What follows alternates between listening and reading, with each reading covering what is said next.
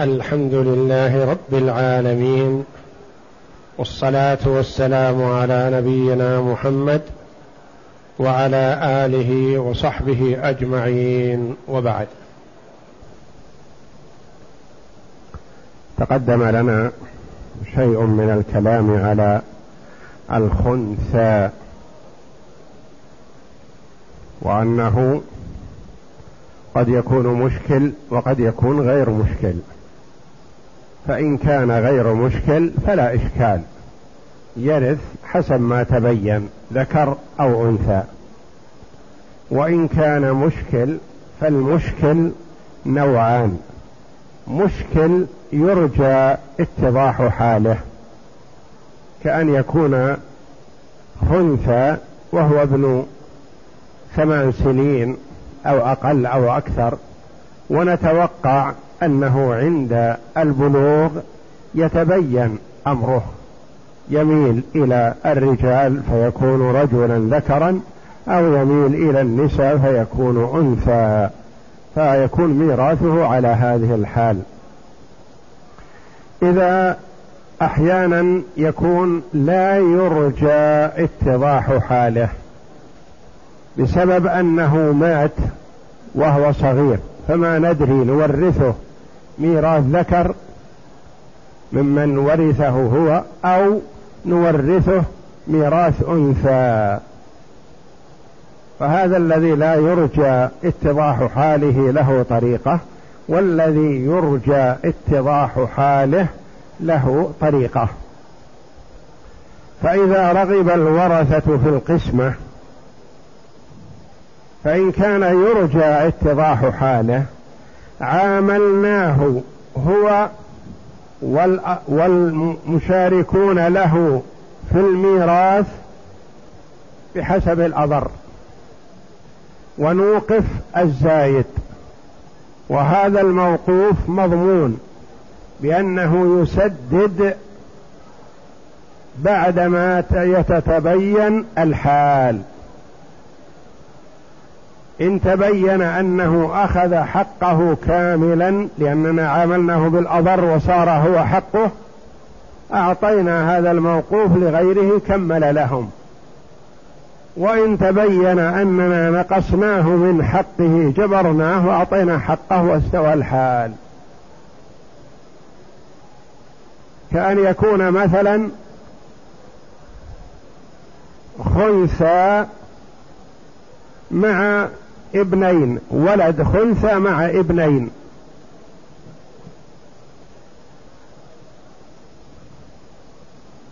نجعل له مسألة ذكورية على أنهم ثلاثة أبناء. ونجعل له مسألة أنوثية على أنهم ابنان وبنت.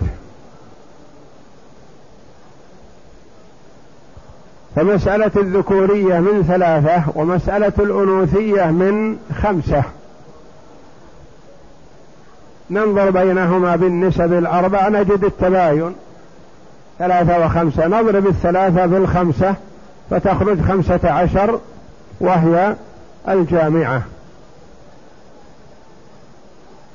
فنعامل كل واحد منهما من الثلاثة بالأضر. الذكران نعاملهم على أن أخاهم هذا ذكر مثلهم فنعطيهم ثلثين.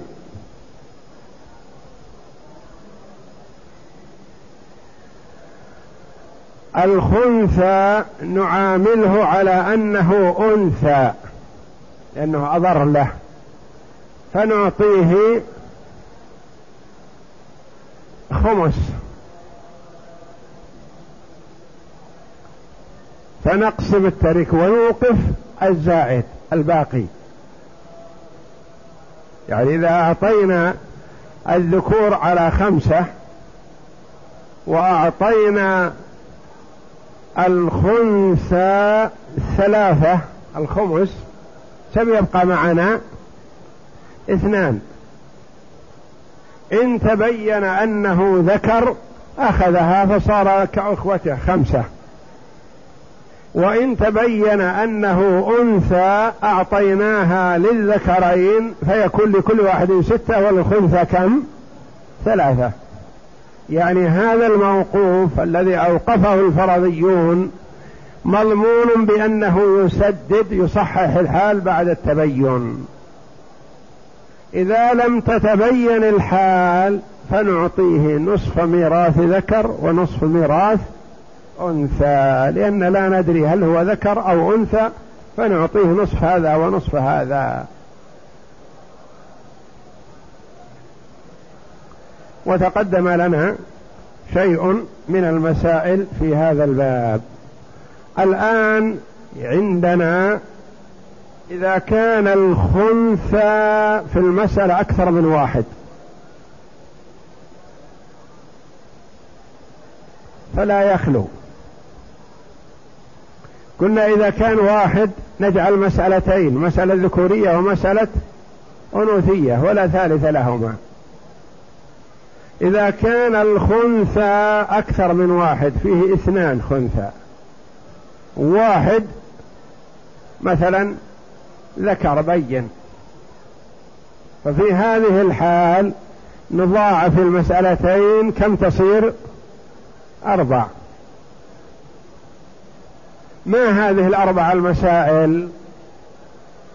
هذه الأربع المسائل ذكورية للخناثة الاثنين.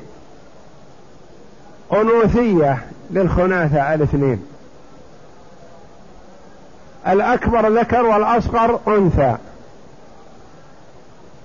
الأكبر أنثى والأصغر ذكر. هذه كم؟ أربع فإذا كان الخنثى أكثر من واحد بأن كانوا اثنين فنحتاج إلى أربع مسائل. كانوا ثلاثة نحتاج إلى ثمان مسائل.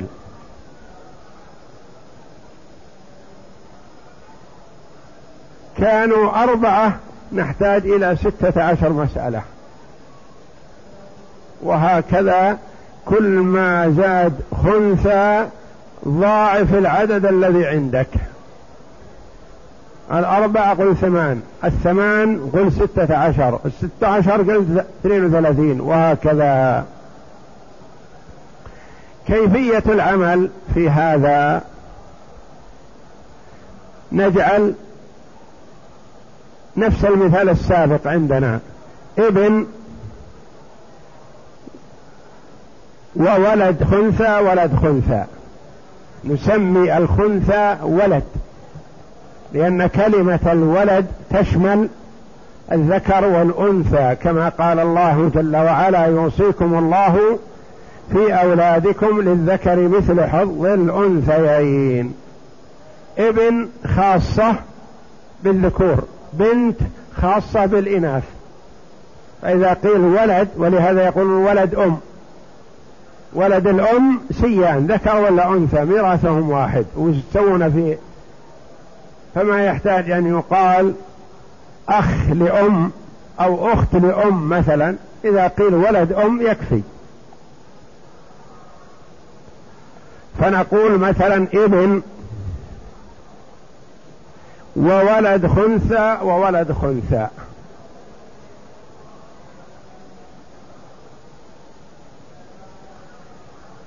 كيف المسألة؟ نقول نفرض أنهم ذكور كلهم. المسألة من كم؟ من ثلاثة. واحد واحد واحد. نفرض أن الخناثة إناث. نقول المسألة من أربعة لأن فيها ذكر وأنثيان. المسألة من أربعة. اثنان للذكر واحد واحد للخناثة نفرض أن الأكبر ذكر والأصغر أنثى. نقول من خمسة. الذكر اثنان وللخنثى الذي هو ذكر اثنان وللخنثى الذي هو أنثى واحد من خمسة. نفرض العكس. الأكبر أنثى والأصغر ذكر من الخناثاء من خمسة كذلك. صار عندنا أربع مسائل. مسألة ذكورية من ثلاثة. مسألة أنوثية من أربعة. مسألة واحد واحد من خمسة. مسألة واحد واحد مثل السابقة من خمسة. ولا يصح أن نكتفي بواحدة من الخمسة والخمسة. نقول ما يحتاج إلى المسألة الرابعة ضرورة لأنه لأجل القسمة عليهم. وهم مسألتهم واحدة. الأكبر بياخذ سهمين والأصغر سهم. ثم المسألة الثانية يأخذ الأكبر سهم والأصغر سهمين. فلا بد من أربع المسائل من ثلاثة ومن أربعة ومن خمسة ومن خمسة. أربع المسائل نقول نبدأ من اليسار. الخمسة والخمسة نكتفي بواحدة منها والحمد لله. بقي عندنا ثلاثة وأربعة وخمسة. وهذه كلها متباينة. ما في اتفاق بينها. نضرب أربعة في خمسة بكم؟ عشرين. أضرب العشرين بالثلاثة؟ ستين. هذه هي الجامعة.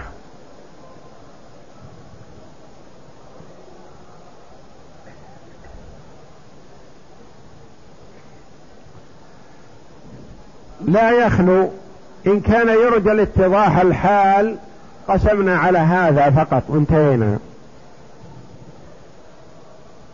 وإن كان لا يرجى اتضاح الحال ضربنا الجامعة في أربعة التي هي عدد المسائل. أربعة المسائل. أربعة في ستين. بمئتين وأربعين.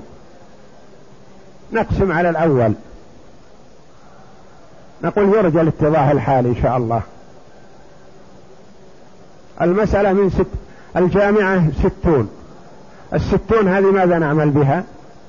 رجعها على المسائل الأربع.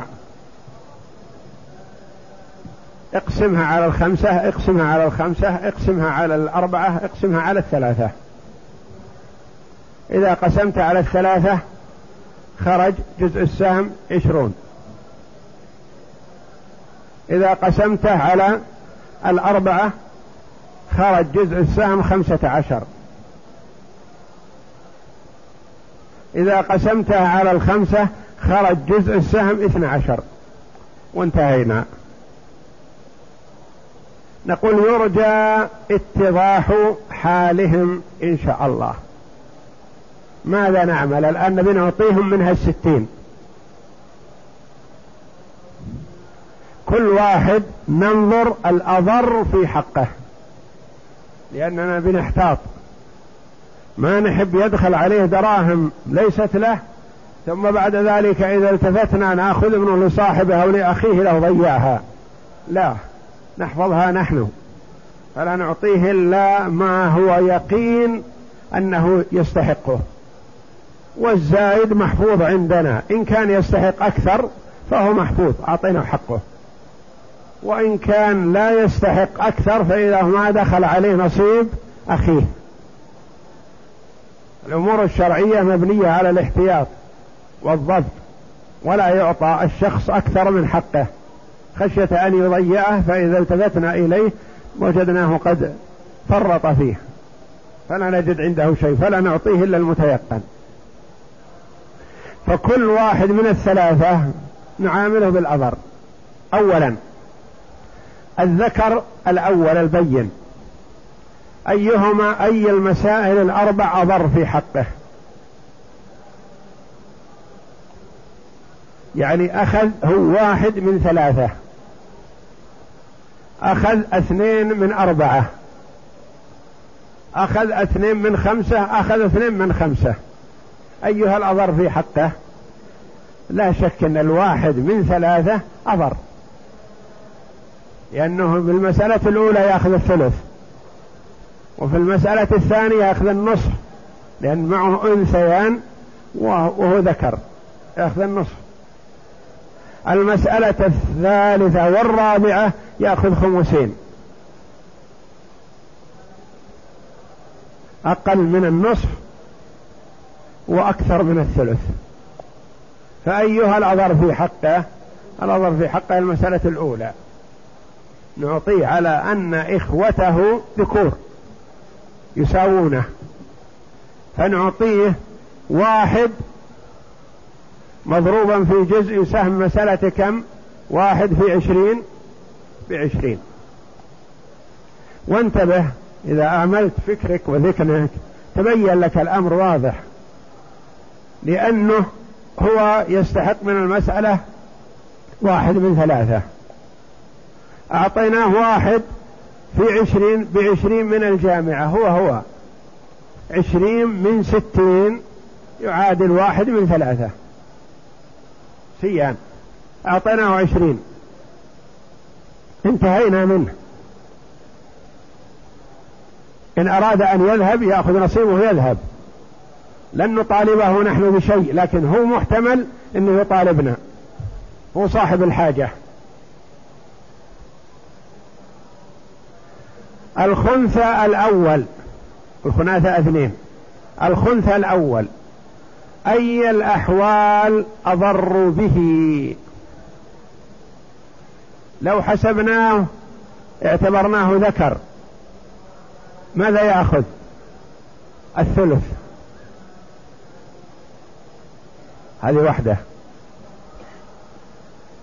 إذا اعتبرناه أنثى مع ذكرين.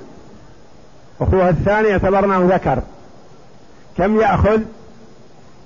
خمس.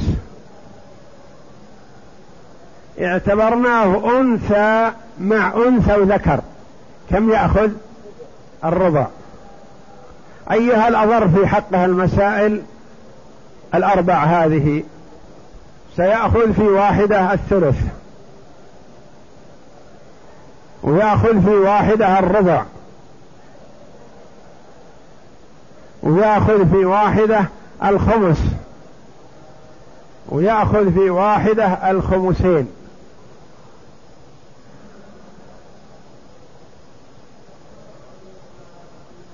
ثلث. وربع. وخمس. وخمسين. أي هذه المسائل الأربعة ضر في حقه. لا شك أن الأضر في حقه الخمس. نعتبر إخوته ذكور وهو أنثى وحده.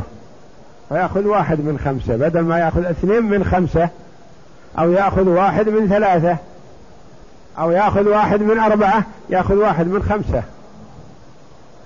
والباقي يكون عندنا. إن استحق شيء فهو محفوظ. من أيها نعطيه يا ترى؟ من المسألة الثالثة.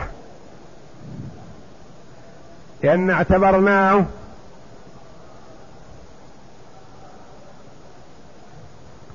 أو من المسألة الرابعة. من المسألة الثالثة إحنا قلنا أول ذكرين أنثيين الأكبر ذكر والأصغر أنثى. هذه الثالثة. والرابعة العكس. الأكبر أنثى والأصغر ذكر. نعطيه من المسألة الخامسة الرابعة لأن أضر له. نعطيه واحد في كم؟ يا ترى في اثنى عشر. أحسنت. واحد في اثنى عشر باثنى عشر. نأتي لأخيه. اللي مثله. نعطيه من نفس المسألة هذه اللي أعطيناه منها أخوه الأكبر؟ لا. لأن في هذه المسألة معتبرين الأصغر ذكر والأكبر أنثى. نعطيه من المسألة التي قبلها الثالثة. الثالثة. نعطيه له واحد في اثنى عشر باثنى عشر. مسألة العطاء الخناثة نعطيهم سواء. لأنه كل واحد عامله بالأضر له فيكون الأضر له 12 كم راح من العشرين من الستين الجامعة؟ لا أخذ منها عشرون. واثنى عشر واثنى عشر أربعة وعشرين وعشرين. أربع وأربعين. كم بقي من الست من ال من الستين؟ بقي ستة عشر. الستة عشر محفوظة. الستة عشر محفوظة. يا ترى من ستكون له؟ نعود إلى مسائلنا. تبينوا والحمد لله كلهم ذكور. نعطي الخناثة من المسألة الأولى. معتبرينهم ذكور. نكمل لهم عندنا ستة عشر. نعطي هذا ثمانية وهذا ثمانية والأول ثم واخذ؟ عشرين صاروا سواء.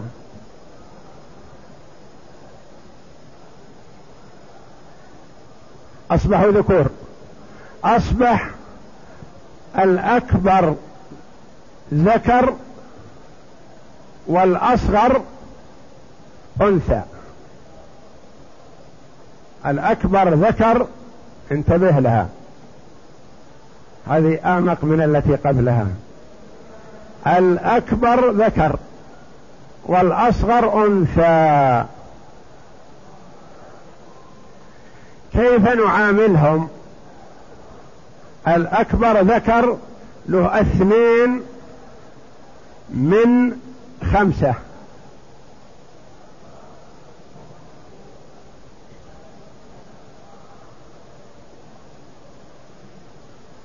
إذا نضرب له اثنين في خمسة عشر.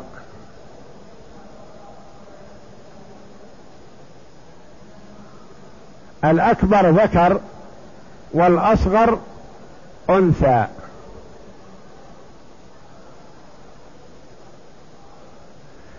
الأصغر الذي هو الأنثى هو نصيبها اللي أخذ اثنى عشر. بقي معنا ستة عشر. أخوها اللي مثله كم بقي له؟ يصير أربعة وعشرين. نعطيه اثنى عشر من هالستة عشر. أخذ اثنى عشر أول وأخذ اثنى عشر أخيرا. كم يصير له؟ أربعة وعشرين. والأخ الذكر البين عنده عشرون فقط. كم بقي له أربعة هالستة عشر المحفوظة. أعطينا الخنث الذي تبين ذكوريته اثنى عشر. وأعطينا الذكر الأول أربعة. أصبح للذكرين على أربعة وعشرين وأختهم الخنثى التي بين أنثى أعطيناها اثنى عشر. إذا عكسنا هي هي بس الأصغر الأصغر يأخذ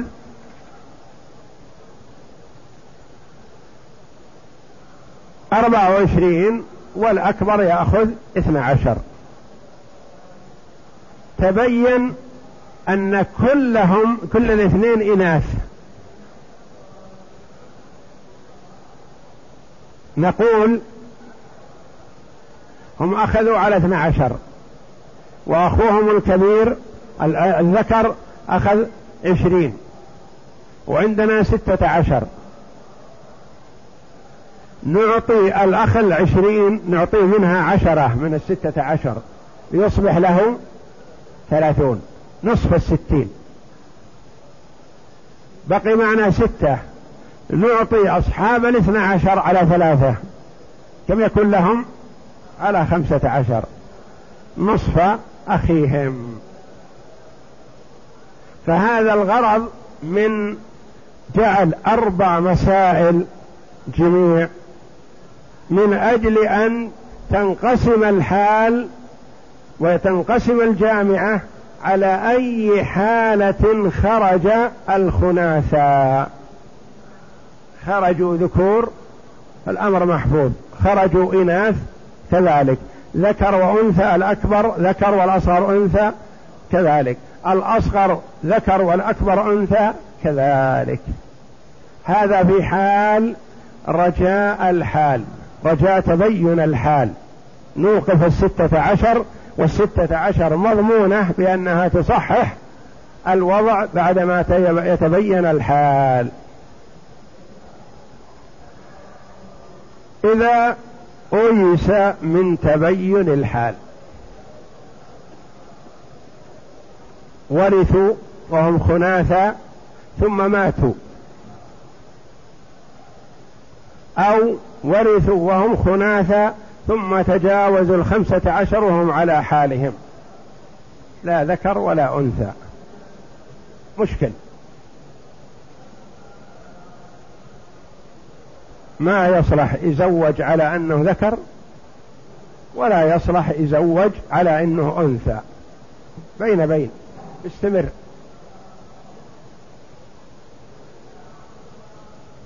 فهذا يقال له لا يرجى اتضاح حاله. فإذا كان لا يرجى اتضاح حاله فنضرب الجامعة التي هي ستون نضربها في أربعة اللي هي عدد المسائل ذكورية أنوثية ذكر وأنثى الأصغر والأكبر ذكر وأنثى الأكبر والأصغر. بأربع المسائل. إذا ضربنا الستين بأربعة كم يخرج؟ مئتين وأربعين. الستين مئة وعشرين. مضاعفة. مضاعفة مرة أخرى مئتين وأربعين. مئتين وأربعين. أمامنا طريقتين طريقتان ذكرهما المؤلف رحمه الله. إما أن نقسم المئتين والأربعين على كل مسألة من هذه المسائل الأربع. ثم نضرب نصيب كل وارث من كل مسألة في جزء سهمها. ثم الناتج نقسمه على أربعة وهو نصيبه.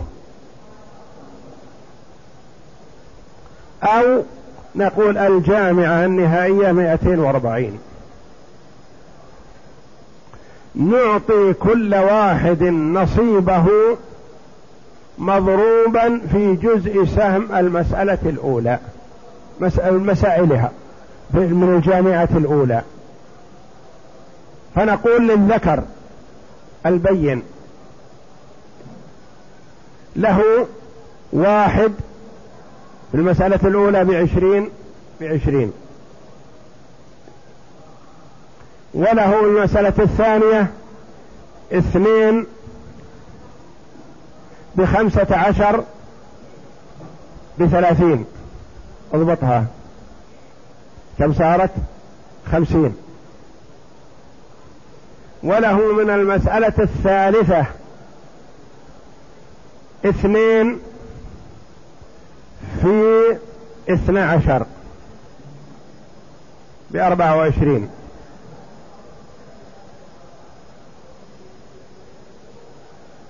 وله من المسألة التي تليها مثل. له اثنان في اثنى عشر بأربعة وعشرين. أربعة وعشرين وأربعة وعشرين كم؟ ثمان وأربعين. ثمان وأربعين و ثلاث وعشرين وثلاثين خمسين. ثمان وتسعين. وهذا نصيبه من الجامعة. ثمان وتسعين.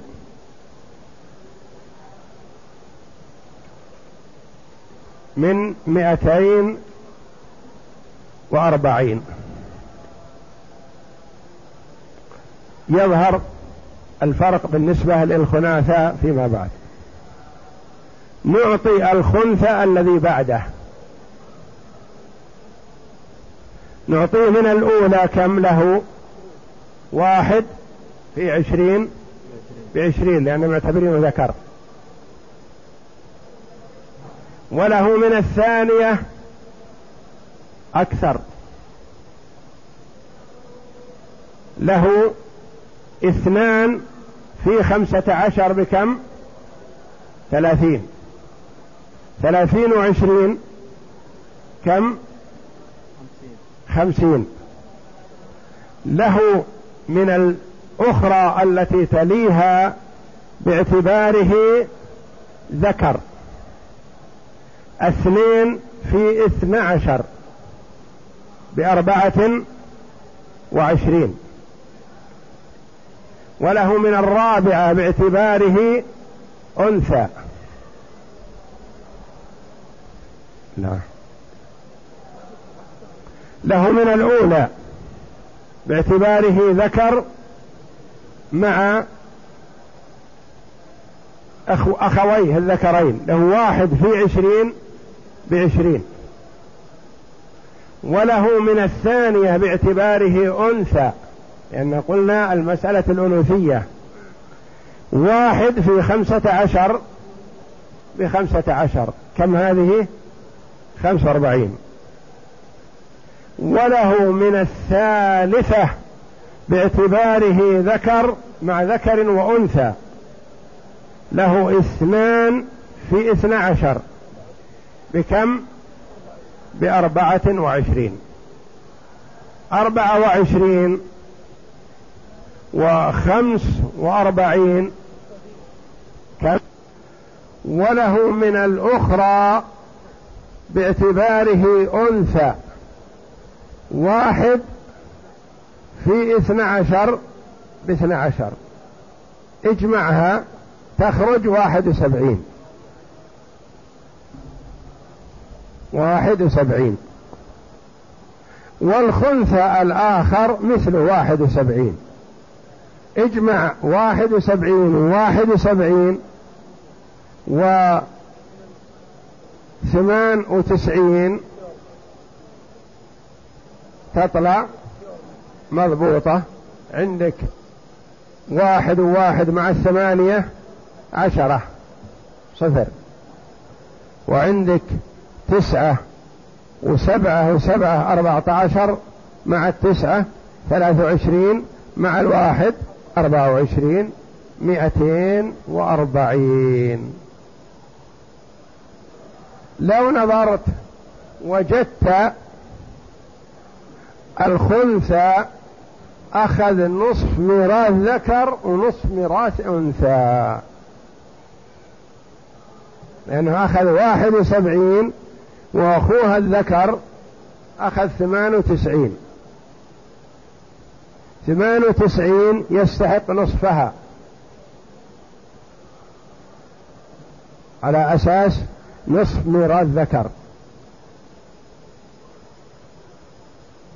ونصف ميراث أنثى لو كان معهم أنثى صريحة أخذت نصف الذكر هذا المعلوم. فنصف ميراث الأنثى مع نصف ميراث الذكر يجتمع له واحد وسبعون.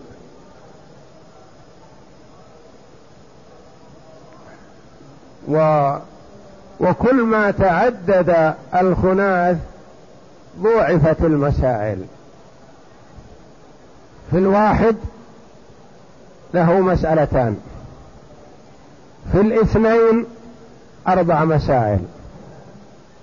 في الثلاثة ثمان مسائل. في الأربعة ستة عشر مسألة وهكذا. وغالب الفرضيين مثلوا لخنثيين لأنها إذا عرفت الطريقة فمهما تعدد الخناثة الحال واحدة الطريقة واحدة. فالطريقة علينا أن نركز عليها أربع المسائل. مسألة أنوثية ذكورية أولا. ثم مسألة أنوثية. ثم الأكبر ذكر والأصغر أنثى. ثم العكس الأكبر أنثى والأصغر ذكر. ونصحح كل مسألة على حدة. ثم ننظر بين المسائل الأربع بالنسب الأربع. وما تحصل فهو الجامعة. فإن كان يرجى اتضاح الحال نظرنا بالنسبة لكل واحد أيها الأضر له نعطيه منها. هذا نعطيه من الأولى هذا نعطيه من الثانية هذا نعطيه من الثالثة هذا نعطيه من الرابعة وهكذا. والباقي يكون موقوف. في في حال عدم اتضاح الحال نعطي الواحد نصيبه من كل مسألة. نعطيه نصيبه من كل مسألة ونجمعه وبعد ضرب الجامعة بأربعة ثم الناتج هو نصيبه. وما تقدم من الكلام فيما إذا كان الخنثى واحد فإن كان في المسألة خنثيان فإن كان في المسألة خنثيان فأكثر جعلت لهم مسألة بعدد أحوالهم.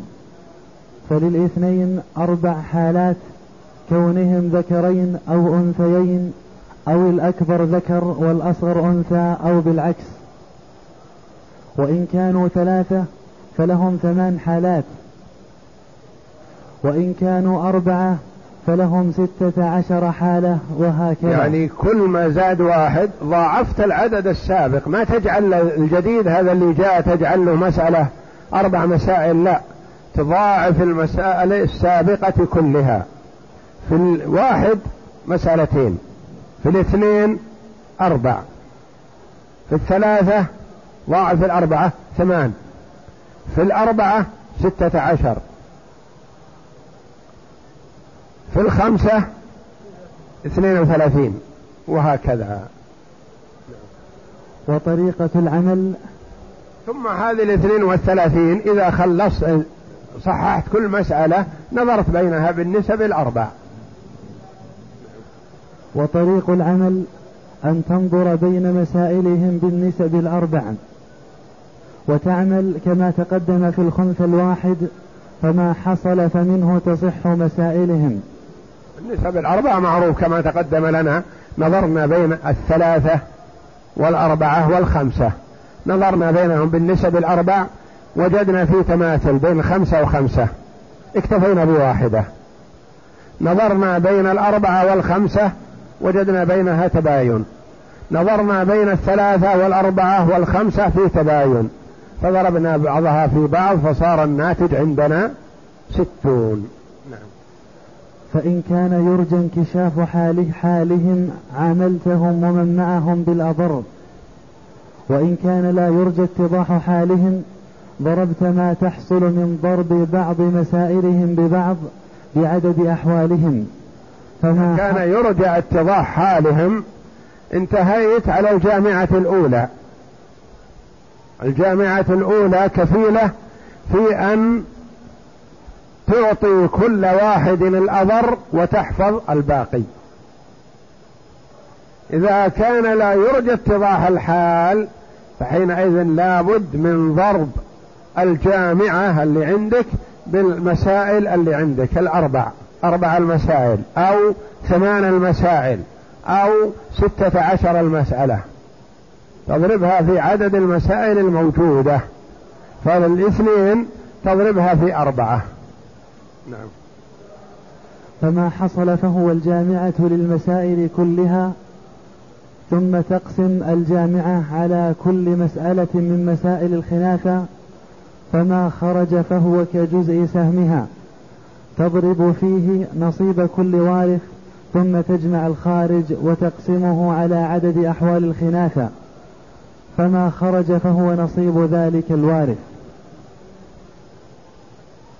مثال هذا إذا قسمت الجامعة الأخيرة العدد الأكبر على المسائل الأربع ضربت نصيب كل واحد في كل مسألة ثم جمعته ثم قسمته على أربعة طريقتان. والطريقة الأخصر أن تكتفي بقسمة الجامعة الصغرى الأولى وجزء سهمها يكفي ثم تجمع نصيب كل واحد من كل مسألة وتعطيه إياه بدون قسمة ثانية.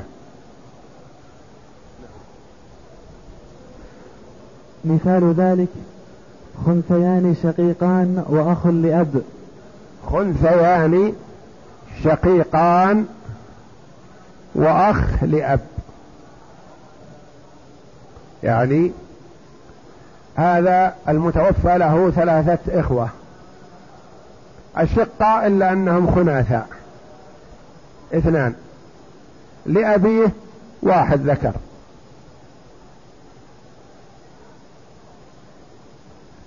نعم. فمسألة ذكوريتهما من اثنين ومسألة أنوثيتهما من ثلاثة ومسألة كون الأب أنظر مسألة الذكورية من اثنين. لأن عنده أخوان شقيقان وأخ لأب ما له سنة. فنقول المسألة من اثنين لكل واحد واحد. هذه مسألة الذكورية مسألة الأنوثية قال من ثلاثة. كيف صارت من ثلاثة؟ لأن فيها أختان شقيقتان وأخ لأب. أختان شقيقتان لهما الثلثان. والأخ لأب له الباقي. الحق الفرائض بأهلها فما بقي فلأولى رجل ذكر. نقول مسألة الأنوثية من ثلاثة. للأختين الشقيقتين اثنان لكل واحدة واحد وللأخ لأب الباقي تعصيبا واحد. في هذه الحال المسألة ذي المسألة الثانية هي التي يرث فيها الأخ لأب وما عداها المسائل التي قبل ولا بعد ما يرث. نعم. والمسألة؟ ومسألة كون الأكبر ذكرا والأصغر أنثى من ثلاثة. كذلك المسألة الثالثة من ثلاثة لأن عندك أخ شقيق وأخت شقيقة المسألة من ثلاثة. هذا الأكبر والأصغر شقيقة. المسألة الرابعة كذلك الأكبر شقيقة والأصغر شقيق من ثلاثة. تجمع عندنا المسائل من اثنين ومن ثلاثة ومن ثلاثة ومن ثلاثة. ثلاث مسائل كلها من ثلاثة ومسألة واحدة من اثنين. نظرنا بين الثلاثة والثلاثة والثلاثة وجدناها متداخلة والحمد لله. متماثلة. يكفي واحد منها. والمسألة الأولى من اثنين. نظرنا بين الاثنين والثلاثة وجدنا بينهما مباينة. ضربنا الاثنين في الثلاثة أصبحت الجامعة ستة فقط. نعم. وكذلك عكسها فالمسائل الثلاث متماثلة. نكتفي بأحدهما ثلاثة. ونضربها في الأولى اثنين فتبلغ ستة. وهي الجامعة فنضربها بأربعة. عدد أحوالهم فتبلغ أربعة وعشرين. فنقسمها على المسائل الأربع. فيخرج جزء سهم الأولى اثنا عشر والثانية والثالثة والرابعة ثمانية. ناخذ الخطوة الأولى التي يرجى اتضاح الحال. نكتفي بالجامعة الستة فتكفينا. تكفينا الجامعة ستة لأنه يرجى اتضاح الحال إن شاء الله. كيف نعطيهم من الستة؟ نعامل كل واحد بالأضر.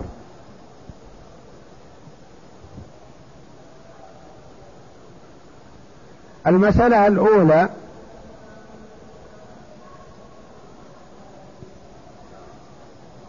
ذكورية كل خنثى بياخذ نصف. نصف المال. وهذا كثير. في المسألة الثانية كل خنثى يبي يأخذ ثلث المال. في المسألة الثالثة يأخذ الأكبر ثلث المال. بصفة أنثى؟ ويأخذ الأصغر ثلثين في المسألة الرابعة بعكسها يأخذ الأكبر ثلثين ويأخذ الأصغر ثلث ماذا نعاملهم؟ أولا نقول الخنثى الأول نعامله على أنه أنثى مع ذكر كم له؟ الثلث. نعطيه من المسألة الثالثة. نعطيه من المسألة الثالثة الذي له فيها واحد من من ثلاثة. نعطيه واحد. في جزء سهم الثلاثة هذه إذا قسمنا عليها الستة اثنين يكون له اثنان. وأخوها الثاني نعامله بالمعام بالمثل بالمثل بالمسألة التي تليها. نعطي الخنثيين لكل واحد اثنين من ستة. الأخ لأب في عندنا ثلاث مسائل ما ورث فيها. ومسألة واحدة رابعة ورث فيها. كيف نعامله؟ ما نعطي شيء. لأنه محتمل في ثلاث احتمالات أنه لا يأخذ شيء. واحتمال واحد من أربعة أنه يأخذ. هل هو يأخذ هذا يكون محفوظ عندنا نمسكه. إن كان هو له أعطيناه إياه. وإلا رددناه على أخويه. فلا نعطيه شيء. الجامعة ستة أعطينا الخنثى الأول اثنين وأعطينا الخنثى الثاني اثنين. كل واحد عملناه بالأضر وبقي عندنا اثنان. موقوفة. تبين أن الخناثة إناث كل كلا الاثنين. لمن تكون الاثنين هذه؟ للأخ لأب. لأنه بيأخذ ما بقي تعصيبا. تبين أن أن الأكبر ذكر والأصغر أنثى. من نعطي الاثنين؟ للأكبر ليأخذ أربعة وأخته اثنين. تبين العكس. الأصغر ذكر والأكبر أنثى. نعطيها الأصغر. فيكون أخذ أربعة وأخته اثنين. هذا إذا كان يرجى اتضاح حاله يبقى معنا اثنان. جاءت الخطوة الثانية. لا يرجى اتضاح الحال. نضرب الستة في الأربعة والعشرين. نعم. ثم اضرب ثم اضرب لكل خنثى من الأولى واحد في نضرب الأربعة في ستة. الأربعة في ستة فيخرج أربعة وعشرون الجامعة الكبرى. ثم اضرب لكل خنثى من الأولى واحد في اثني عشر. ومن الثانية واحد في ثمانية بثمانية. ومن الثالثة اثنين بتقديره هو الذكر في ثمانية بستة عشر. ومن الرابعة واحد بتقديره هو الأنثى في ثمانية بثمانية فيجتمع له أربعة وأربعون فنقسمها على أربعة عدد الأحوال. يخرج لكل أحد لكل أحد عشر وللأخ لأب واحد من مسألة الأنثوية. في ثمانية بثمانية فنقسمها على الأحوال أربعة فيخرج اثنان. يعني يأخذ الخنث الأول إحدى عشر والخنث الثاني إحدى عشر من أربعة وعشرين كم يبقى يبقى اثنان يأخذها الأخ لأب لأن في ثلاثة احتمالات أنه لا يرث وفي احتمال واحد من أربعة أن يرث أعطيناه على قدرها على قدر هذه الاحتمالات لأنه في ثلاث مسائل ما له شيء إذا كان شقيق وشقيقة ما له شيء. شقيقان ما له شيء. شقيق وشقيقة الأكبر والأصغر ما له شيء. متى يكون له؟ إذا كان شقيقتان وأخ لأب. واحدة من أربع مسائل. فاستحق اثنين من أربع وعشرين. ربع السدس. ربع السدس. لأنه محتمل أن لا يأخذ شيء ومحتمل أن يأخذ الثلث. فعدد حسب عدد المسائل أربع مسائل ثلاث مسائل ما يأخذ منها شيء وواحدة يأخذ منها أعطي بقدر هذا الاحتمال أعطي اثنين من أربعة وعشرين واحد من اثنى عشر يعني نصف السدس. نصف السدس واحد من اثنى عشر. اثنين من أربعة وعشرين واحد من اثنى عشر نصف السدس. لا ربع السدس نصف السدس.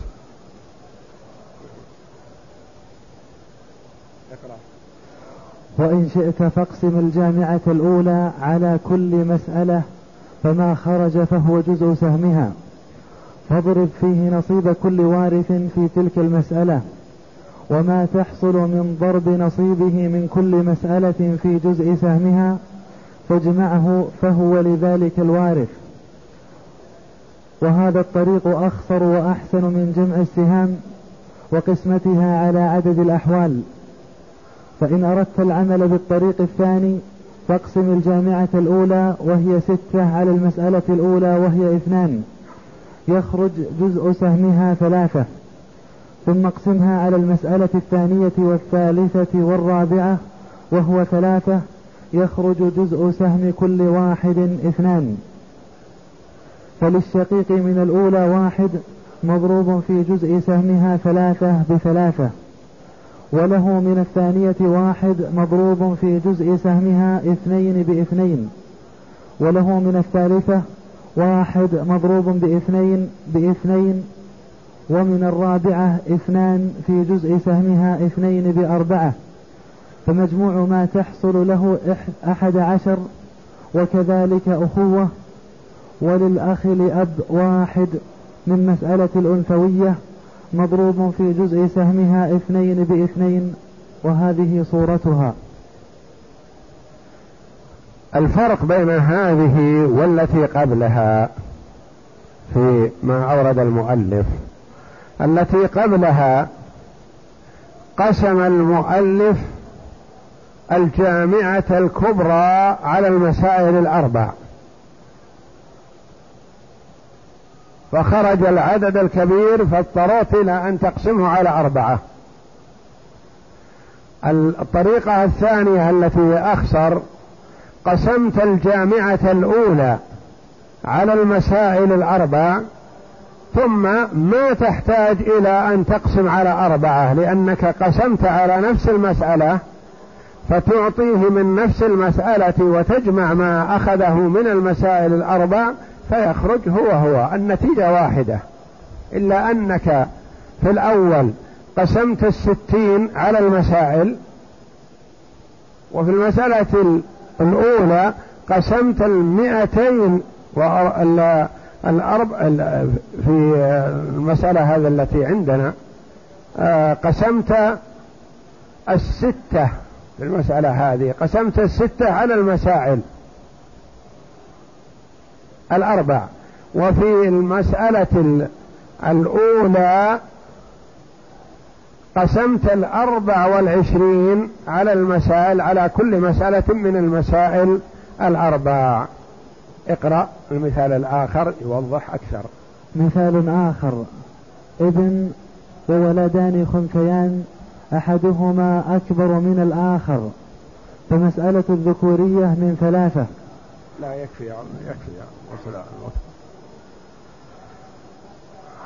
الأسبوع القادم إن شاء الله في هذا المثال وتطبيق المسائل السابقة. ينتهي باب الخنثى في الأسبوع القادم إن شاء الله على أن يكون الذي بعده في المفقود إن شاء الله. يقول السائل هل مدة عدة الأمة كعدة الحرة؟ عدة الأمة في الوفاة هي شهران وخمسة أيام على النصف من الحرة.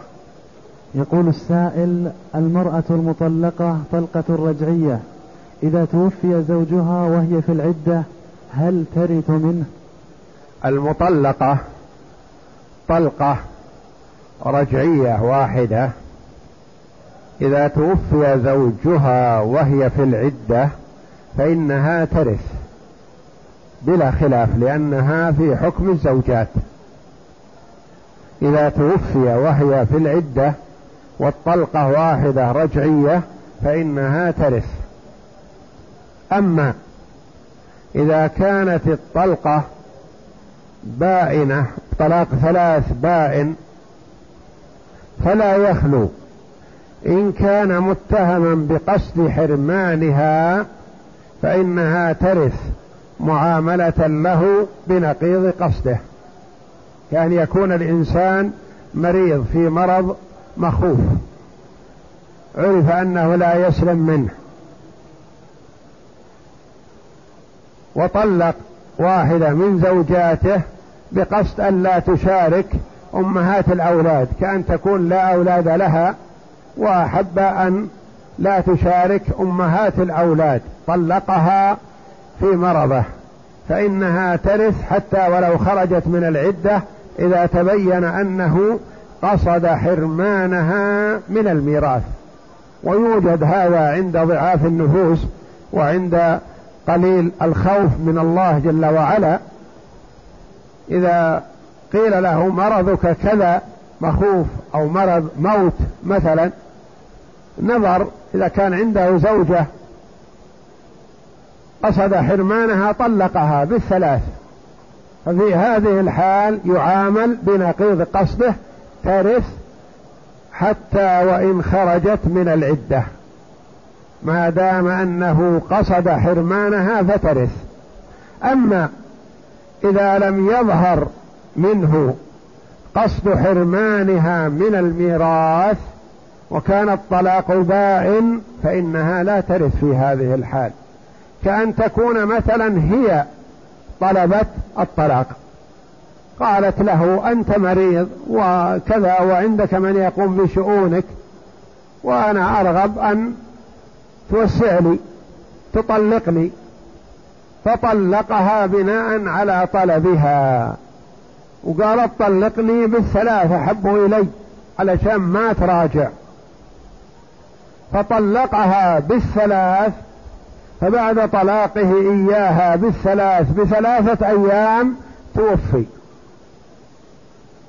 فإنها حينئذ لا ترث ولا تعتد للوفاة بل عدتها عدة طلاق. لأنه لم يظهر منه قصد لحرمانها من الميراث. هل يمكن استخدام التقدم العلمي التقني في إيضاح حال الخنثى؟